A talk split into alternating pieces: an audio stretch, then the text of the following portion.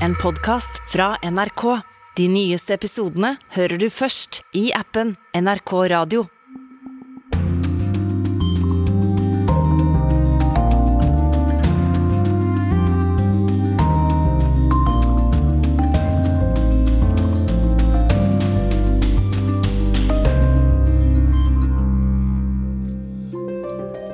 Et juridisk jordskjelv har ramma USA denne uka. Kvinners rett til å velge abort kan bli borte etter 50 år. Jøder kan også være nazister, sa den russiske utenriksministeren. Og da ble det bråk. Men hvordan kunne han sitte og si sånn i koseprat på italiensk TV? Den folkevalgte presidenten på Filippinene lovet å drepe alle narkotikaforbrytere. Nå takker han for seg, og sønnen til en gammel diktator står klar til å overta. Og de unge i Nord-Irland sier de ikke er så opptatt av gamle strider. Men i dag vinner tanken om å droppe Storbritannia og slutte seg til Irland sitt første valg. Det er lørdag. Det er Urix. Jeg heter Tore Moland. Det er sjelden det kommer lekkasjer fra amerikansk høyesterett, men helt i begynnelsen av denne uka kom det en skikkelig stor en med voldsom politisk sprengkraft. Høyesterettsdommerne jobber med å fjerne amerikanske kvinners rett til abort. Det er få spørsmål som splitter USA like mye som abortspørsmålet. Det handler om politikk, det handler om religion, det handler om personlig frihet, og det handler om å tolke Grunnloven. So we are back now with our breaking news here on CNN. Politico has obtained what it calls a draft of a majority opinion written by Justice Samuel Alito Det starta brutalt mandagskvelden. Twitter-feeden min eksploderte bare noen minutter etter at nettstedet Politico publiserte et utkast i en pågående sak ifra Høyesterett, noe som aldri har skjedd før. Her sto det svart på hvitt utover 98 sider at fem av ni høyesterettsdommere ønsker å stemme ned den kjente Roe v. Wade. I nesten 50 år har den dommen fra 1973 bestemt at kvinner i USA har rett til selvbestemt abort. På den tida var mange for de rettighetene, til og med evangeliske kristne. Men slik er det ikke i dag. For ser vi tilbake til 1970-tallet, skjedde det en holdningsendring blant de religiøse i USA. I de tre største trosretningene innen kristendommen var det i utgangspunktet katolikkene som var negative til abort.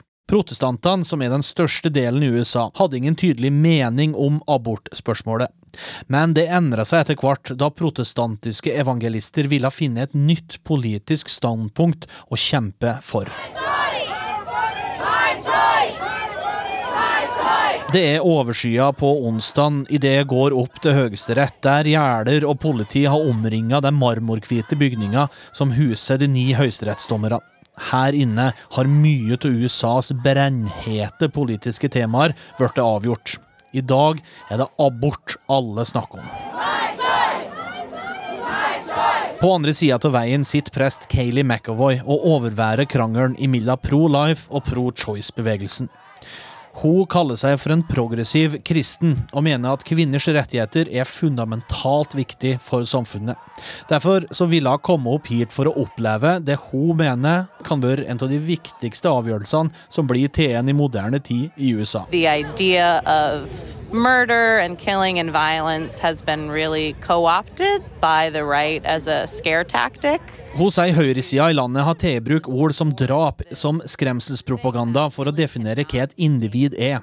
Abortion debate is largely has an undercurrent of male dominance and white supremacy. For etter Ronald Reagans tid i Det hvite hus på 80-tallet følte konservative at de mista makta, fordi landet ble mer progressivt og mangfoldig.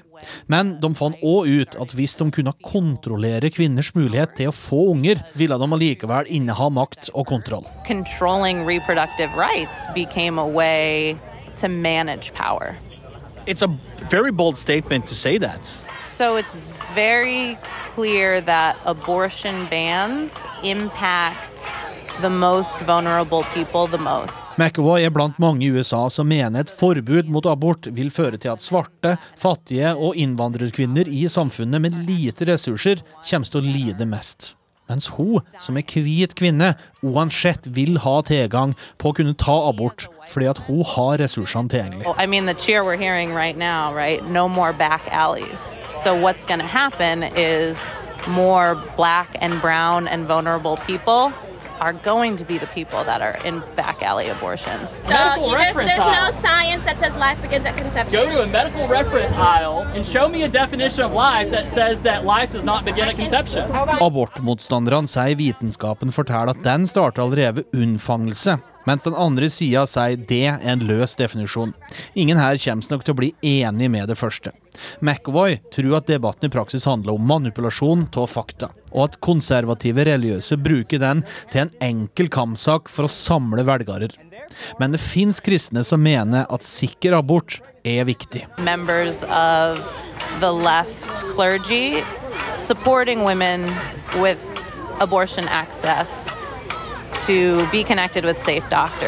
McAvoy er tydelig på at ikke alle religiøse er imot selvbestemt abort i USA. So the narrative that the religious voice is so anti-abortion, in my eyes, is a false one. Det var Lars Os som eh, var på trappa utenfor Høyesterett i Washington. USA-korrespondent Tove Bjørgaas, Hvorfor er abortspørsmålet det spørsmålet som kanskje i størst grad splitter amerikanerne? Fordi det, det, griper veldig inn i privatlivet til folk. Og så handler det også om, som vi hørte i reportasjen, om religion. Og Derfor er dette et av de aller vanskeligste spørsmålene for amerikanske politikere å klare å vedta lover om. Og derfor er det også Høyesterett som har fått det, den oppgaven da, i USA. Det er jo ofte sånn i USA at de vanskeligste sakene de havner i, i Høyesterett fordi politikerne ikke klarer å bli eh, enige om dem. Kan du forklare oss grovt sett hvordan USA deler seg i dette spørsmålet, Tove? Ja, Det er et ganske stort flertall i USA som er for at man skal ha muligheten til å ta abort. Og, og da jo eh, Da snakker vi om sånn 60-70 ca. mener at det skal være rett til å ta abort i USA. Kanskje ikke så veldig, veldig langt ut i svangerskapet, men i hvert fall at det skal være selvbestemt abort. Og så er det ca. 30 litt over 30% som mener at man bør forby abort, slik som det står i dette lekkede notatet som kom denne uka. Og så deler dette seg ganske både geografisk og politisk ganske tydelig. Det er altså i eh, sørstatene og noen av delstatene midt i USA, der er det flertall mot abort. Mens eh, på kystene eh, i nord og California, så er det flertall eh, for fri abort. Dette deler seg også etter hvilken religiøs overbevisning folk har. Eh, og den gruppen som i overveldende grad er mot abort i USA, det er hvite evangelikale kristne. Men som vi hørte i reportasjen, så er det ganske mange religiøse, også en god del katolikker, som, som, som er for en, en, viss form for, for fri abort.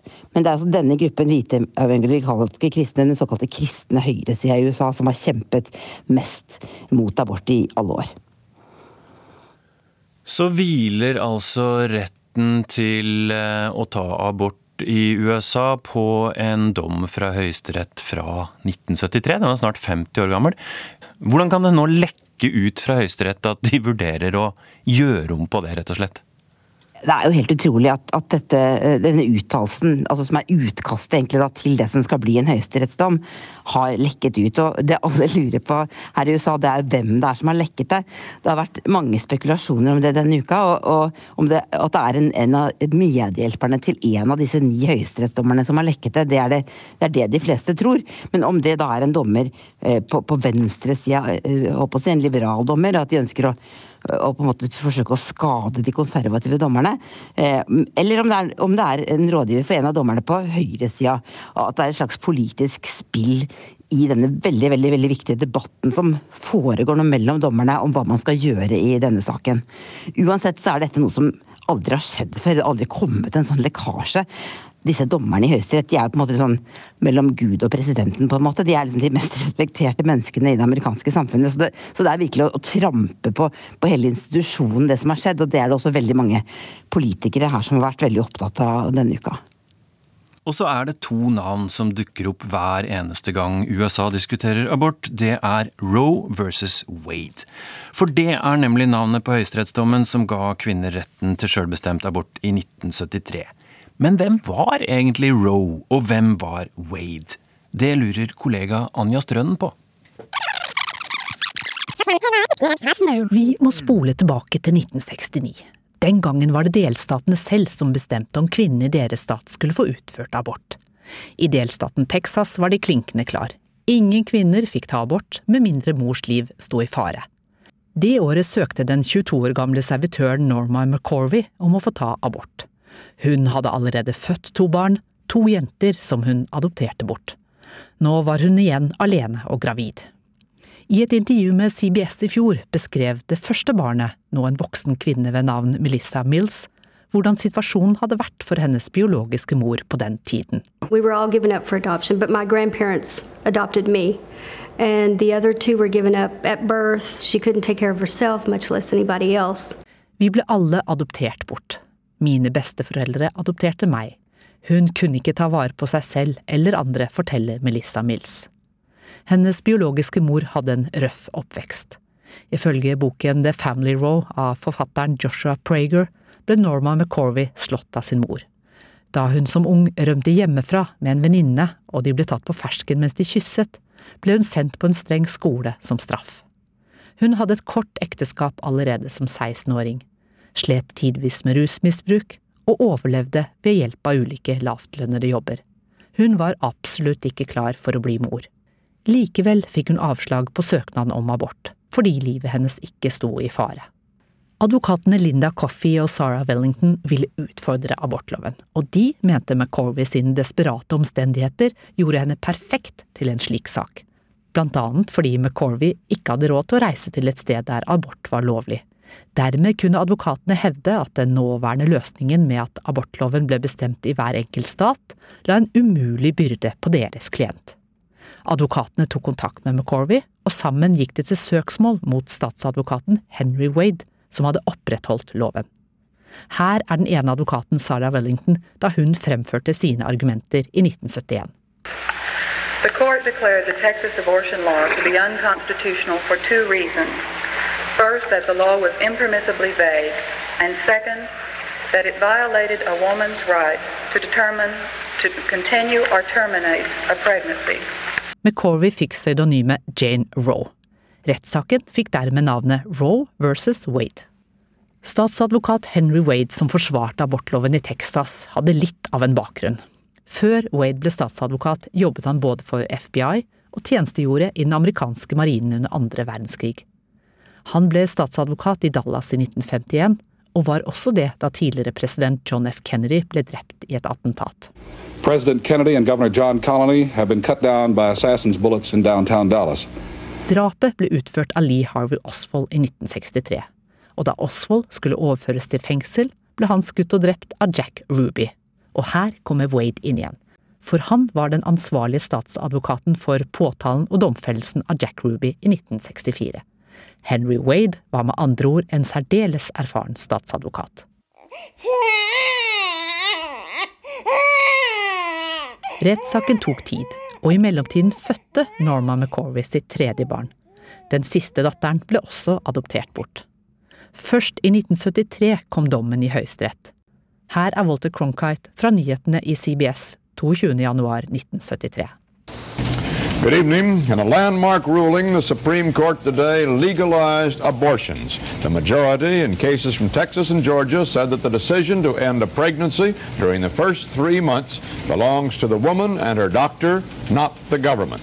Thus, the anti-abortion... Norma McCorvey, eller Jane Roe, fikk aldri tatt abort. Men søksmålet hennes resulterte i at amerikanske kvinner fikk tilgang på fri abort, uten at delstatsmyndighetene kunne blande seg inn. Nå er den retten igjen utfordret. Tove Bjørgaas, eh, betyr dette rett og slett at eh, hele abortspørsmålet i USA hviler på denne rettsavgjørelsen fra 1973, som eh, nå kan bli kastet om på? Det betyr det faktisk. Og det er jo ganske dramatisk. Men det er altså slik at i nesten 50 år så er det denne dommen som har sagt at amerikanske kvinner har rett til abort. Fordi politikerne i Washington de har aldri klart å vedta noen abortlov fordi dette eh, spørsmålet er så kontroversielt. Men amerikanerne er jo grunnleggende opptatt av personlig frihet, eh, og gjerne også på høyresida. Hvorfor, eh, hvorfor anses ikke abort som en del av den personlige friheten til å bestemme sjøl, rett og slett? Det er et veldig interessant spørsmål. Det handler nok veldig mye om, om hvor religiøse mange amerikanere er. At de, at de er veldig veldig opptatt av, av, av troen sin, og at abort er har blitt en sånn veldig viktig symbolsak. Men det denne dommen egentlig sa, sa, i 1973, det var jo at alle amerikanere skulle ha like rettigheter under loven, lik beskyttelse for loven. Det som det står om i det 14. tillegget til den amerikanske grunnloven. Eh, og at man også derfor skal ha rett til å bestemme over sin egen kropp. Det er en veldig, veldig prinsipiell avgjørelse. Eh, og amerikanere er som sagt veldig opptatt av denne uh, friheten. Men, men, det som har skjedd i, årene etter, er at dette har blitt den viktigste kampsaken på høyresida for et, spesielt ettersom den såkalte kristne høyresida vokste seg sterkere, og det gjorde den ikke minst pga. denne saken. Og så har det blitt en kjempeviktig mobiliseringsfaktor, eh, spesielt i det republikanske partiet, ved valg. Det er veldig mange velgere som syns at abort er den aller viktigste saken når de skal gå for å stemme, i de velgergruppene. Og så har det igjen da eh, hvordan eh, skal vi da få gjort noe med denne saken, har disse gruppene da spurt seg? Jo, da må vi jobbe for å få våre folk, sagt, konservative dommere inn i Høyesterett. Og det klarte de virkelig å få til med Donald Trump i Det hvite hus, for han fikk altså utnevnt tre høyesterettsdommere. Det var litt tilfeldig, det var pga. at noen døde og andre pensjonerte seg akkurat mens han var president. Men disse eh, høyesterettsdommerne de, eh, de, kom fra en liste som Donald Trump hadde laget i samarbeid med disse kristne gruppene på, på høyresida. Så de var på en måte ja, godkjent da, av den kristne høyresida i USA, nettopp fordi de er konservative, ikke minst i abortsaken. Hvordan vil du oppsummere denne uka når det gjelder abortspørsmålet i USA, eh, kort fortalt, Tove? Denne uka har vært en av de mest dramatiske ukene i amerikansk politikk på veldig, veldig lenge. Eh, denne saken er så utrolig stor ikke bare fordi det handler om abort, men også fordi det handler om hele prinsippet for hva Høyesterett i USA skal kunne bestemme over, og hva slags rettigheter amerikanerne skal ha, eller, eller, hvilke rettigheter de ikke skal få ha. da, Hva man skal kunne blande seg inn i. Og også hvordan man kan da omgjøre noe som har vært eh, lov i, i 50 år. Så, så eh, det har vært et jordskjelv, et politisk og juridisk jordskjelv her borte. Eh, og, og, vi vet altså ikke før i, i, slutten av juni hva dette ender med. Men, men det er en utrolig, utrolig stor sak for amerikanerne uansett hva man eh, mener om abort, så, så, sender det også et veldig sterkt signal til verden dersom USA altså skulle forby fri abort om, eh, i løpet av, av juni. Og mens vi nå snakker om kvinners rettigheter, det har kommet en melding fra Kabul i formiddag. I Afghanistan har Taliban nå igjen innført påbud om at kvinner må dekke seg helt til. Den meldinga kom for noen få timer siden. Reporter Anders Tvegård, hva innebærer dette? Et eh, tilbakeslag. En innskrenking av kvinners rettigheter. Nå beordres de til å dekke til ansiktet i offentligheten. En burka vil være best, heter det. Og En burka det er da en, en heldekkende kvinnedrakt som eh, også dekker øynene. Kvinner kan se ut gjennom en slags heklet eh, vindu foran øynene. Dette plagget var også påbudt den gang Taliban hadde makta fra 1996 til 2001. Hva er begrunnelsen for å gjeninnføre påbudet nå? tradisjonelt, respektfullt, mener Talibans øverste leder Haibatullah. Og dersom en kvinne bryter pålegget, så blir faren eh, hennes eller nærmeste mannlige eh, familiemedlem oppsøkt, risikerer fengsel, og også risikerer å miste jobben dersom de er offentlig ansatt om eh, kvinnen bryter forbudet. Nå har det gått ni måneder siden Taliban tok makta tilbake i Afghanistan, og de har snakk snakket snakka mye med det internasjonale samfunn om kvinners rettigheter. Vi husker at Taliban var i Norge i fjor. Hvordan skal vi tolke at eh, denne nyheten kommer nå i dag? Det er en intern maktkamp der eh, de konservative eh, fløyene går seirende ut. Det får nok ikke noen konsekvenser for bistand, siden, handler, siden bistand handler om å, redde liv. Men Talibans ønske om å bli anerkjent internasjonalt, det blir fjernere og fjernere med slike innstramminger. Og det gir også næring til opposisjonen. Um, samtidig som det glir i gal retning, så er det allerede mange kvinner som velger å gå med burka helt frivillig i Afghanistan. Takk skal du ha, Anders Tvegård.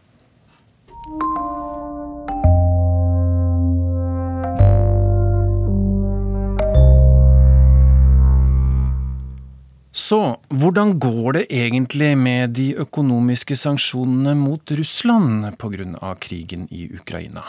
Jo, det blir beintøft for folk, sier en russisk økonomisk ekspert til NRK. Nei da, vi klarer oss godt, sier president Vladimir Putin. Og vi er ikke veldig bekymra, sier folk på gata i Moskva som NRK har møtt. De vestlige sanksjonene berører ikke meg, sier denne mannen. Han påpeker at det aller meste av det bedriften hans produserer, selges i Russland.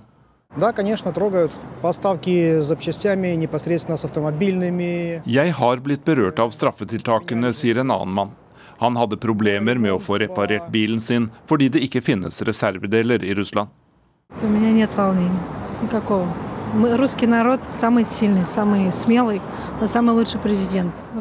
Jeg er slett ikke bekymret, sier denne kvinnen. Hun mener at det russiske folket er det sterkeste og det modigste, og at landet har den beste presidenten. Vi klarer oss under alle forhold, understreker hun. På gata her i Moskva går livet stort sett sin vante gang. De fleste er ikke så veldig opptatt av dette med vestlige straffetiltak. Og en del har nok hørt på forsikringene fra presidenten i landet om at det meste går bra.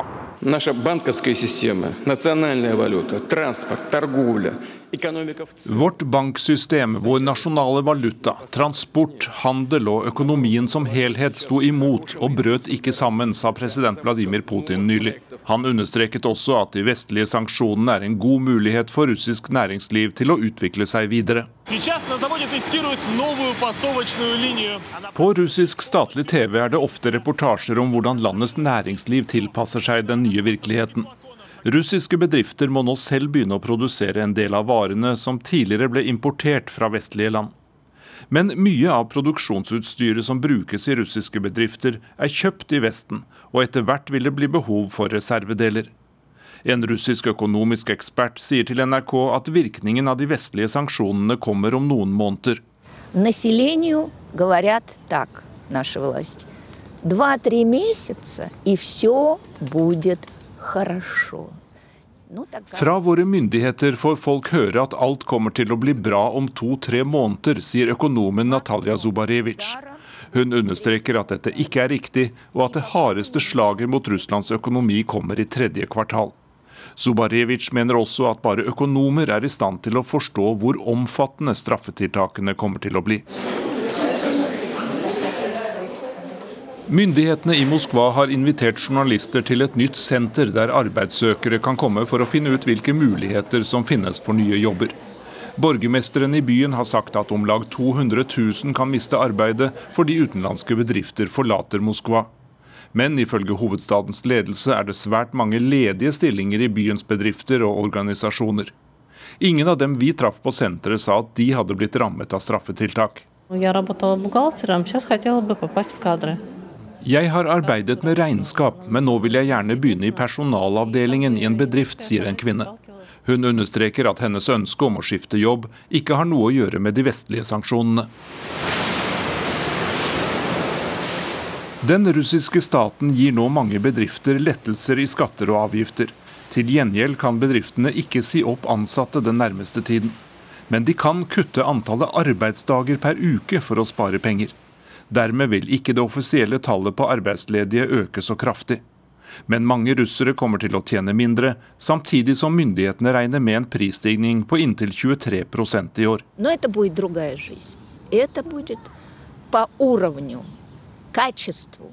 Det kommer til å bli et annet liv, både når det gjelder nivå og kvalitet. Et fullstendig annet liv, det må vi forstå, sier økonom Zubarevitsj. Hun understreker at det kommer til å bli varemangel i Russland, og at folk kommer til å mangle penger. Russerne har gjennomlevd mange kriser, og nå kommer det en til, sier eksperten. Jan Espen Kruse, vår reporter i Moskva. EU er klare på at de vil løsrive seg fra avhengigheten av russisk kull, olje og gass, men de to store spørsmålene gjenstår når og hvordan. Denne uka varsla EU-kommisjonen at de vil fase ut russisk olje i løpet av året, og nå forhandler medlemslandene, og forslaget må godkjennes av alle. Det her er ikke godt nok, sier unge klimaaktivister som har flykta fra Ukraina. De krever mer og raskere handling. We stand with you. Thank you. I'd also to something. May I? Go ahead. 16 år gamle Arina Bilay er på scenen på et støttearrangement for Ukraina. Ved siden av henne er Europas mektigste kvinne, EU-toppen Ursula von der Leyen. Arina tar ordet. Uh, Europa finansierer denne krigen, sier hun til en fullsatt sal. Inntil nylig var Arina en helt vanlig tenåring i Kyiv. Hun gikk på skolen og hang med venner på favorittkafeene. Hun lyser opp når hun forteller NRK hvor mye hun elsker hjembyen, via en litt dårlig videoforbindelse. I Kyiv så ble hun en klimaforkjemper. Hun ble kjemperedd av å tenke på klimakrisen, på hvordan folk blir rammet i dag, forteller hun. Så angrep Russland, og livet ble snudd opp ned på et øyeblikk. I to dager var hun fanget i en by under angrep. Det var grusomt, sier hun. De greide å flykte gjennom Moldova, Romania og Ungarn, til trygghet i Polen. Men der hvilte hun ikke. For Arina ble det tydelig at de to krisene som har definert hennes unge liv, er knyttet sammen. Av kull, olje og gass. Europa er nemlig avhengig av russisk fossil energi, spesielt gass. Bare siden starten av krigen har de betalt over 38 milliarder euro for det. Arina vil sette en stopper for dette. As this, like, them, uh, like, Så lenge pengestrømmen kan fortsette, er det et stille samtykke til alt Putin vil, sier hun. Tyskland er blant storforbrukerne. Over halvparten av gassen der kommer fra Russland. I Berlin sitter Ilyes El Kortby fra Kharkiv. 25-åringen var med på å starte Fridays for Future i Ukraina.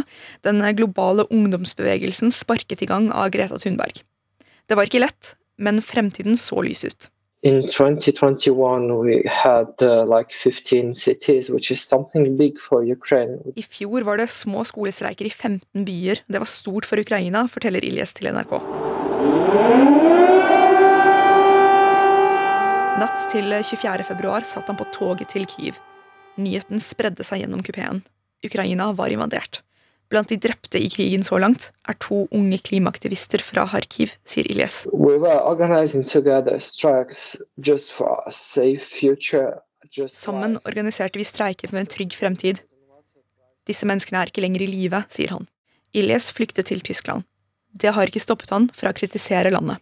Right now we see again in Europe, in Ukraine, war crimes and war crimes happening, and Germany is again involved in war crimes, not making them, but financing them. Krigsforbrytelser skjer igjen i Europa, og Tyskland er involvert igjen. Ikke at de utfører dem, men at de finansierer dem, sier han. Today we are addressing our dependency on Russian oil. EU er klare på at de nå vil løsrive seg helt fra russisk fossil energi. De store spørsmålene som gjenstår, er hvordan og når. Kull blir forbudt fra august. Nå forhandles det om å fase ut olje i løpet av året. Men Narina og andre unge klimaaktivister vil gå lengre, mye raskere.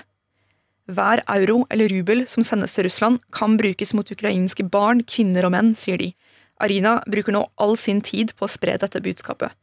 På demonstrasjoner i pressen til politikere. Som i en paneldebatt med EU-kommisjonens president von der Leyen. Andre ukrainere har kalt henne modig for dette. Jeg bare gjør jobben min, sier hun. Jeg har så mye sinne inni meg for at folk fortsatt kjøper russisk fossil energi, sier hun. Jeg kan ikke bare stilletiende godta det. Det var Milana Knesevic som hadde snakket med sinte Arina.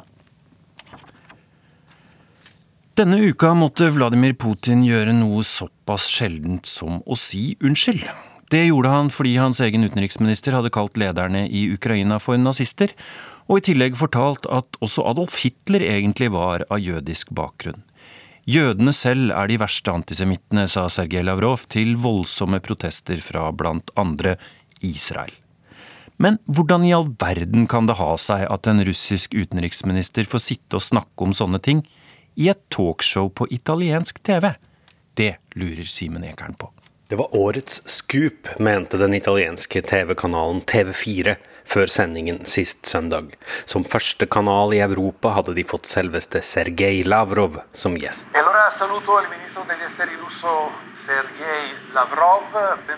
Russlands utenriksminister fikk snakke i vei uten særlig plagsomme avbrytelser eller korrigeringer, så italienske TV-seere fikk høre Lavrovs syn på det meste.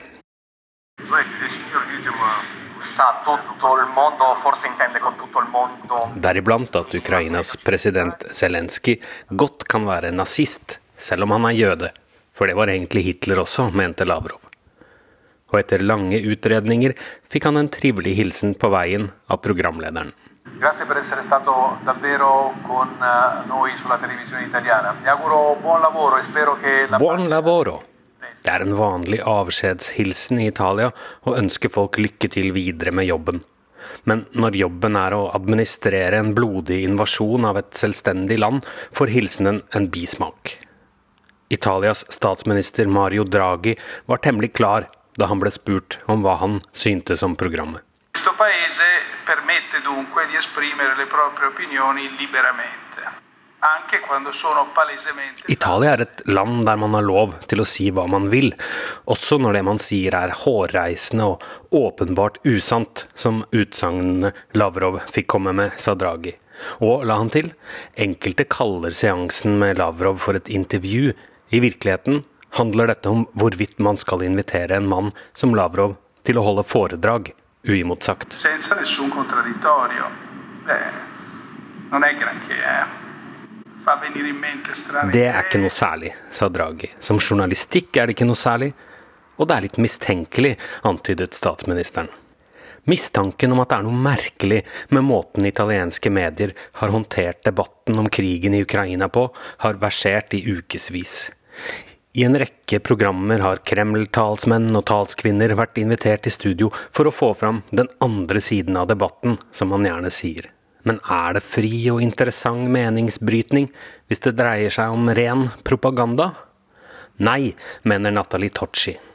Dal momento che tu parti come criterio nel dire devo far sentire l'altra parte, e dal momento che questa Hun er direktør for IAI, Institutt for internasjonal politikk i Roma, og tirsdag denne uken trakk hun seg fra et av Italias mest sette talkshow og skrev en kronikk der hun redegjorde for hvorfor hun ikke lenger vil delta i TV-sendinger i debatt med folk som driver med propaganda på de premissene italiensk TV legger opp til. Det er ikke gjestene i seg selv som er problemet, sier hun, men man må gjøre intervjuene på en måte som ikke tillater at løgner får stå ubesvart. Tu vuoi invitare il propagandista, ma lo inviti per smascherare la propaganda. Cioè Vil du invitere en som driver med propaganda i studio, må du gjøre det for å avkle propagandaen, sier Tocci. Ellers ender man et sted der Lavrov ønskes lykke til med jobben. Eh, Siamo arrivati al punto dove Sergei Lavrov eh, viene eh, salutato con un buon, buon lavoro. Buon lavoro, ministro. capito? Esattamente. Hun holder det for å være svært sannsynlig at Russland har investert i desinformasjon i Italia.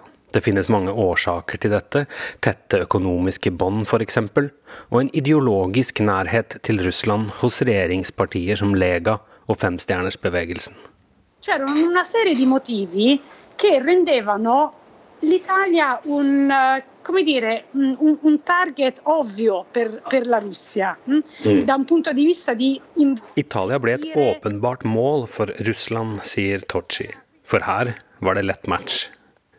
Neste onsdag starter en parlamentshøring i Italia for å undersøke de merkelige ideene Mario Draghi snakket om etter Lavrov-intervjuet, og for å komme til bunns i om det ligger noe bak den tilsynelatende russiskvennlige invitasjonspraksisen i italienske TV-show, eller om det først og fremst handler om å skape brudulje og generere høye seertall. Nathalie Tocci er uansett ikke i tvil om at noe lukter litt svidd her. c'è un po' qualcosa di un po' strano. Sì, sì. Neste stopp Filippinene. Der skal det velges ny president på mandag. Og dette er noe av hva folk har å velge mellom. En visepresident som er rykende uenig med sin egen president. Sønnen til en gammel diktator. Eller en verdensmester i boksing. The best fighter in the world, Manny Fem ganger verdensmester Manny Pacman Pacquiao har lagt boksehanskene på hylla. På mandag er han en av ti kandidater til å bli landets neste president. Den sittende presidenten Rodrigo Duterte kan ikke stille til gjenvalg. Han etterlater seg et korrupt system og et spor av døde. Hans oppgjør med landets narkotikakriminalitet kan ha kosta 27 000 mennesker livet. Mange av de har blitt drept av politiet etter ordre fra presidenten. Den som ligger best an på meningsmålingene, er Ferdinand Marcos jr. Hvis navnet lyder kjent, så er det fordi hans far Marcos senior var diktator i landet. Han styrte Filippinene i 21 år, til han ble avsatt under en folkelig revolusjon i 1986. Og hele familien flykta til USA. Etter år med diktatur lyktes det å innføre demokrati på Filippinene. Sønnen Ferdinand Bongbong Marcos har ikke tatt avstand fra faren og benekter overgrepene begått under diktaturstyret. Ungdommen er landets håp, ropes det i et folkehav kledd i rosa fra topp til tå. Rosa er kampanjefargen til den sittende visepresidenten Leni Robredo.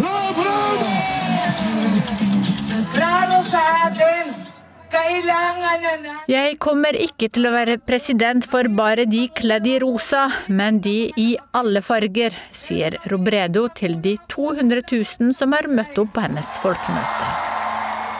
Robredo er menneskerettighetsadvokat fra middelklassen, og med sine løfter om å få slutt på korrupsjon i landet, ser det ut til at hun kan få en fjerdedel av stemmene på mandag.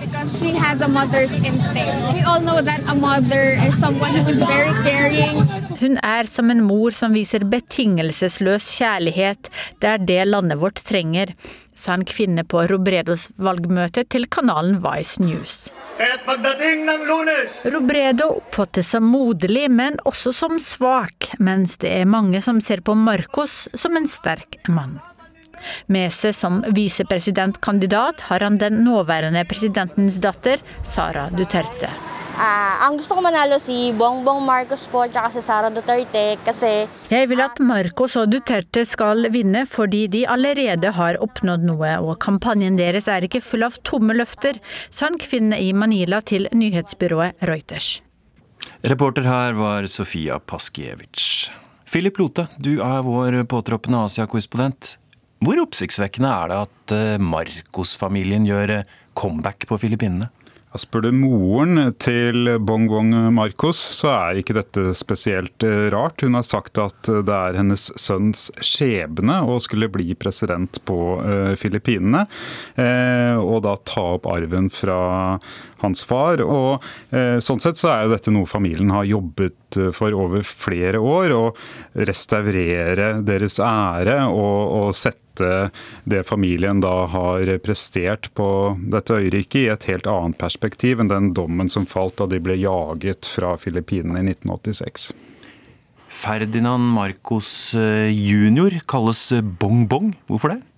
Bong Bong, altså De jeg har spurt, sier at det bare er et kallenavn. At på Filippinene så Få på Filippinene som vet hva det betyr. Sannsynligvis bare noe som foreldrene begynte å kalle han, og så har han blitt hetende av dette. Politikk på Filippinene handler i veldig stor grad om familier, Philip. Det sies at 234 ulike familiedynastier ble innvalgt ved mellomvalget i 2019. Hvorfor er det sånn? Det kalles jo rett og slett et føydalt demokrati. altså Man har delt opp landet i forskjellige regioner. Ulike familier er sterke ulike steder. Og så bygger man allianser. Så sett fra vanlige filippineres ståsted, så er politikk i veldig stor grad et spill for eliten.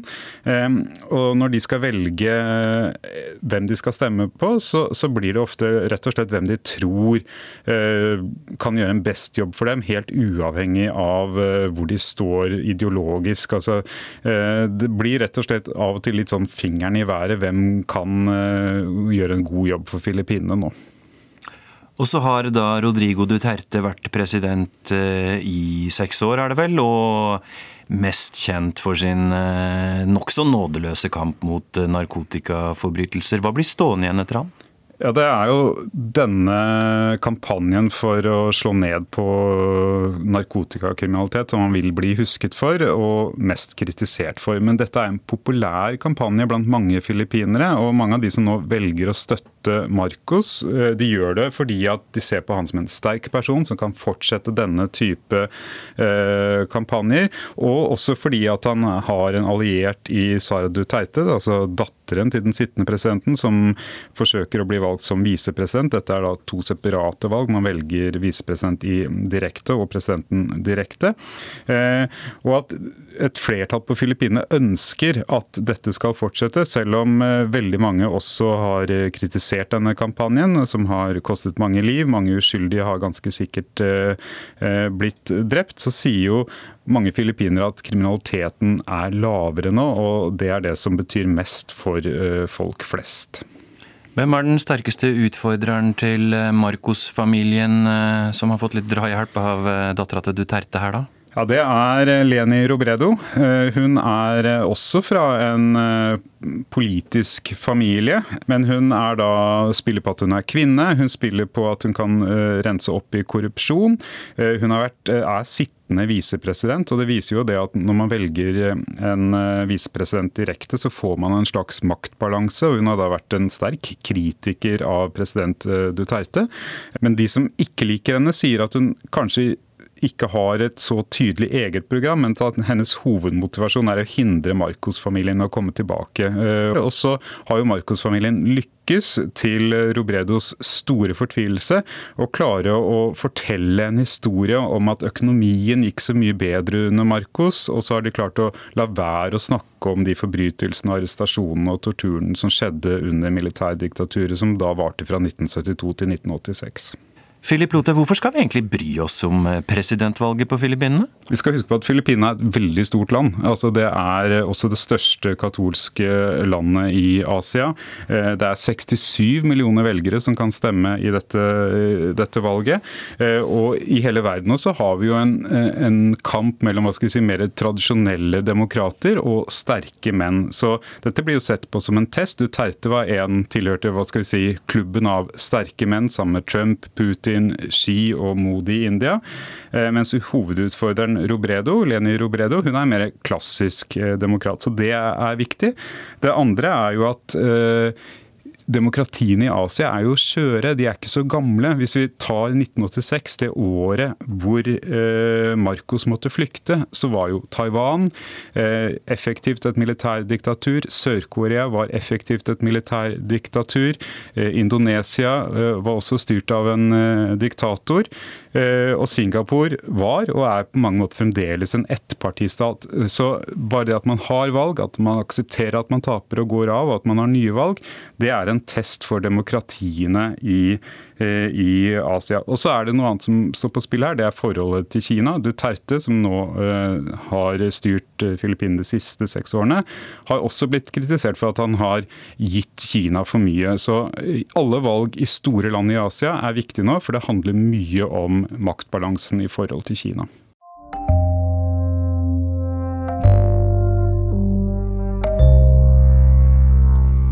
I dag blir det skrevet historie i Nord-Irland. For første gang er et parti som ønsker at landsdelen skal gå ut av den britiske unionen og bli en del av Irland, i ferd med å bli det største partiet. Nord-Irland er i endring. For de unge er det andre ting som er viktigere nå enn den gamle konflikten mellom katolikker og protestanter. Det har Gry Blekastad Almås fått merke i Belfast denne uka. Just from like growing up, like I'd be friends with a lot of, I'd be Catholic and then I'd be friends with a lot of Protestants and stuff, so I didn't find there's much of a divide at all. 18-åringen Patrick Farris er katolikk. Fra oppveksten av har han hatt venner som er protestanter. Han opplever ikke at det er en kløft mellom de to gruppene, men innser at det var annerledes før. Yeah, definitely with like Catholics and Protestants mixing and everything, so it's definitely changing, I think. Det endrer seg uten tvil, sier ingeniørstudenten. Unge nordirer er mindre opptatt av skillet mellom katolikker og protestanter, eller nasjonalister og unionister, i betydningen de som vil at Irland skal være én nasjon, og de som vil bevare unionen med resten av Storbritannia. Jusstudenten Laura McAnulty er også katolikk, men hun har ingen mening om hvorvidt Nord-Irland bør gjenforenes med Irland, slik valgvinneren Sinn Fein ønsker. Vi forstyrrer henne og venninnen i en pause ved Queens-universitetet i Belfast. Sort of, it's not a big difference for you whether you're part of Ireland or Britain? No, I, I don't really mind, honestly. I think it's just a really, really old, long standing. There's never going to be agreement on it. There's never going to be one saying, no one's ever going to agree. So I think it's a agree to disagree kind of. Det er en veldig gammel strid. Det blir aldri enighet. Vi får enes om å være uenige, sier hun. That it's not the case that all Protestants are unionists and all Catholics are nationalists. Katie Hayward er professor i politisk sosiologi ved Queens-universitetet. Og hun sier at det ikke er sånn at alle protestanter er unionister, eller at alle katolikker er nasjonalister. Og så peker hun på en veldig interessant utvikling i den nordirske befolkningen. Nemlig at det nå er i ferd med å bli flere katolikker enn protestanter. So Northern Ireland was created um, to shore up a unionist majority. It was deliberately drawn, that border was drawn to protect a unionist majority here in the northeast of Ireland um, 100 years ago. Um, if it was to be the case that um, there is a Catholic majority, even though, as I say, that doesn't automatically mean um, a nationalist majority, it does mean that actually we've seen a significant demographic change from 100 years ago, where it was a clear Protestant majority. Nord-Irland ble til for å beskytte unionistene for 100 år siden. Hvis katolikkene nå blir i flertall, er det en betydelig endring, sier hun. Noe som også er med på å forklare det pro-irske Sinn Feins fremgang ved valget denne uka. Well, this is a really historic election. Et historisk valg, slår Deidre Hargay fast. Hun har sittet i Nord-Irlands selvstyreregjering de siste årene for partiet Sinn Fein. Hun mener kommende generasjoner nordirer kommer til å bo i et gjenforent Irland. For et delt Irland holder landet tilbake, slik hun ser det. Well, it's no mistake that we want to see an end of partition. We think partition has been bad for our island as a whole. We think it's held our island back in terms of the development and prosperity that we want to see for the people here. So when do you think we can see a united island? Well, I believe wholeheartedly that we'll see it in my lifetime. I believe that we are the generation that can deliver this um, with all of the people and that we can really build a truly inclusive society that treats everyone with rights and equality and respect um, and where we see each other as neighbours as well. Vi er generasjonen som kan få til et forent Irland, og det kommer til å skje i min levetid, sier Sinn Fein-politikeren. På pausebenken med Queens-universitetet har studentene kommet frem til at det er rom for forbedringer i det nordirske samfunnet, men at livet her egentlig er bra som det er. There's always room for improvement. Definitely. So, yeah, but I think it's it's doing okay. We've just come out of a pandemic, and Yeah. now there's uh, obviously people are a lot worse off than us at the moment. There's wars breaking out in other Yeah. places. Like we are really happy here. Yes. it's a really Intent. nice place to live.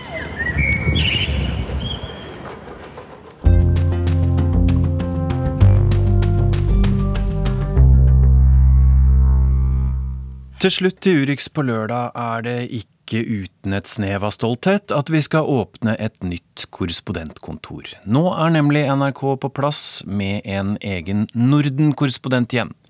Joakim Reistad blir vår mann, og han skal ha tilhold i Stockholm. I Sverige handler det aller meste om Nato nå om dagen. Sverige har aldri vært så nærme et Nato-medlemskap som de er nå. Men var det egentlig en stor sjøfugl som endret landets sikkerhetspolitikk? I 2012 viste en meningsmåling at 18% av Sveriges befolkning ville at landet skulle bli med i Nato.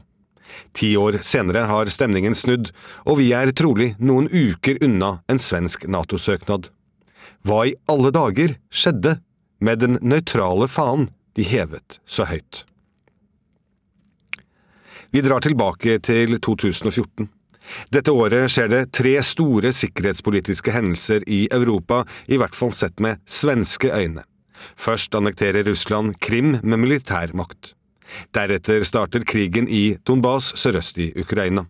Flere granskninger har gått langt i å konkludere med at det var russiskstøttede styrker som skjøt ned et passasjerfly og drepte nesten 300 sivile i juli i 2014. Det var usikkerhet i Europa den sommeren. Men så, som den tredje hendelsen, havnet Sverige i verdenspressens søkelys. Et bilde tatt av en privatperson i Stockholms skjærgård. Kunne det være en ubåt? Ja, trolig, mente det svenske forsvaret, men var det en russisk ubåt? Nei, det var det ingen som kunne bevise. Russiske myndigheter hadde flere forklaringer, ingen av dem var i nærheten av å bekrefte at det var et russisk fartøy. Den mest interessante påstanden de hadde, var at dette var bildet av en stor sjøfugl. I flere uker hadde det svenske forsvaret nærmest daglige pressekonferanser, men det kom aldri noen konklusjon. Jeg vil ikke konkludere før jeg har banket på luken og snakket med han som har styrt fartøyet, sa en svensk general til NRK etter den ørtende pressekonferansen uten annet nytt enn at de fortsatt lette. Men det svenske forsvaret hadde i hvert fall ingen plan om å fremstå som tannløse og utilstrekkelige. Her skulle det vises muskler. De sendte ut bilder og inviterte på presseturer. Og på kveldene ble Sveriges forsvarsevne ofte diskutert i nyhets- og debattprogrammene. Visst hadde krigshandlingene i Ukraina og ubåtjakten økt andelen svensker som ville søke NATO-medlemskap, litt. Men politikerne var nesten samstemte. Slike hendelser alene skulle ikke styre svensk forsvarspolitikk, alliansefriheten sto sterkt. I 2014 brukte Sverige 1% av bruttonasjonalprodukt på Forsvaret. Det var et historisk bunnivå fra de 3 prosentene landet brukte på sent 70- og tidlig 80-tall. Men ubåtjakten hadde kanskje vekket noe hos svenskene, og endret synet på nødvendigheten av å stå helt alene for å være nøytral. Utover i 2015 viste flere meningsmålinger at det var stadig flere som ville at Sverige skulle inn i NATO, og at det var flere enn de som holdt fast på alliansefriheten. I 2015 besluttet derfor Sverige og Finland å innlede et samarbeid med NATO. Men da NRK spurte den svenske forsvarsministeren om ikke det ville være like greit å bare melde seg inn, så var svaret klart. Den regjeringen jeg representerer, har meget klart sagt at vi ikke kommer til å gå inn i en medlemskapsdiskusjon, sa Peter Hultqvist. Nå kan den samme Hultqvist bli forsvarsministeren som tar Sverige inn i NATO, selv om han la debatten dø i 2015. Sikkerhetssituasjonen er endret. I januar i år rullet kortesjer med CV90, det svenskproduserte pansrede kjøretøyet, inn i Visby på Gotland. Trusselen fra Russland var nærmere enn på mange år. Men tror svenskene egentlig at landets forsvar kan beskytte dem mot en eventuell russisk trussel, eller enda verre, et russisk angrep? For Gotland ligger ikke bare strategisk plassert i Østersjøen. Sverige får ikke den britiske og amerikanske krigsmaskinen på vingene i det øyeblikket det første fiendtlige prosjektilet lander på deres jord. Og så, 24. februar, var det igjen krig i Europa. Russland invaderte Ukraina, og bare noen dager senere kunngjorde Sverige at de ville gi våpen til den ukrainske hæren. Sverige, som riktignok er en stor våpenprodusent, har aldri donert våpen til et land i krig siden de ga våpen for å støtte Finland under vinterkrigen i 1939. Linus Hagstrøm, som er professor i statsvitenskap ved Forsvarshøgskolen, har forsket på svensk NATO-debatt. Mellom 2014 og 2018 gikk han igjennom lederartikler og debattinnlegg i svenske aviser og på Twitter. Konklusjonen er interessant. De som er motstandere av svensk NATO-medlemskap, fremhever ofte en stolthet over å stå utenfor, og en redsel for at Sverige skal dras inn i storpolitikk. Men man ser samtidig i forskningen at tilhengerne av NATO-medlemskap har inntatt en mer belærende holdning overfor motstanderne. NATO-motstanderne blir latterliggjort og stemplet som suspekte i ordskiftet. Forskeren konkluderer med at debatten i Sverige har blitt veldig polarisert. Og så, kort tid etter invasjonen av Ukraina, så viste en meningsmåling på SVT at 51% av svenskene nå ville si ja til en svensk Nato-søknad. Noen dager senere mente svenska Dagbladet å vite at statsminister Magdalena Andersson hadde skiftet mening. Det endte i en sikkerhetspolitisk utredning og et Sverige som etter alle solmerker nærmer seg en søknad. Nato-motstandernes siste halmstrå i Sverige er å uttrykke misnøye med at det ikke har vært nok offentlig debatt. Men regjeringen ønsker trolig ikke Nato-debatt og et krav om folkeavstemning i de få månedene som er igjen frem til riksdagsvalget 11. september. For mens det før har vært ganske bred politisk enighet om å holde Sverige unna militære allianser, så står den borgerlige opposisjonen nå klar til å kritisere en eventuell somling i søknadsprosessen. Mye tyder på at Sverige og Finland er Nato-medlemmer før høstjevndøgn. Så er det jo litt artig, da. Hvis vi utfører et tankeeksperiment og faktisk tror på Russlands forklaring fra 2014. Da er det en litt storvokst sjøfugl i Stockholm skjærgård høsten 2014 som startet endringen av den svenske sikkerhetspolitiske linjen. Som det heter i ordtaket, Gud finner en lav gren til den fugl som ikke kan fly. Med kåk i Stockholm og hytte på Jylland har Joakim Reistad sagt at han ønsker å bringe Norden tettere sammen når han nå tiltrer som vår ellevte utenrikskorrespondent. Mange av korrespondentene hører du her i Urix på lørdag, denne uka presentert av Silje Sande, Helje Svensson og meg, Tore Moland.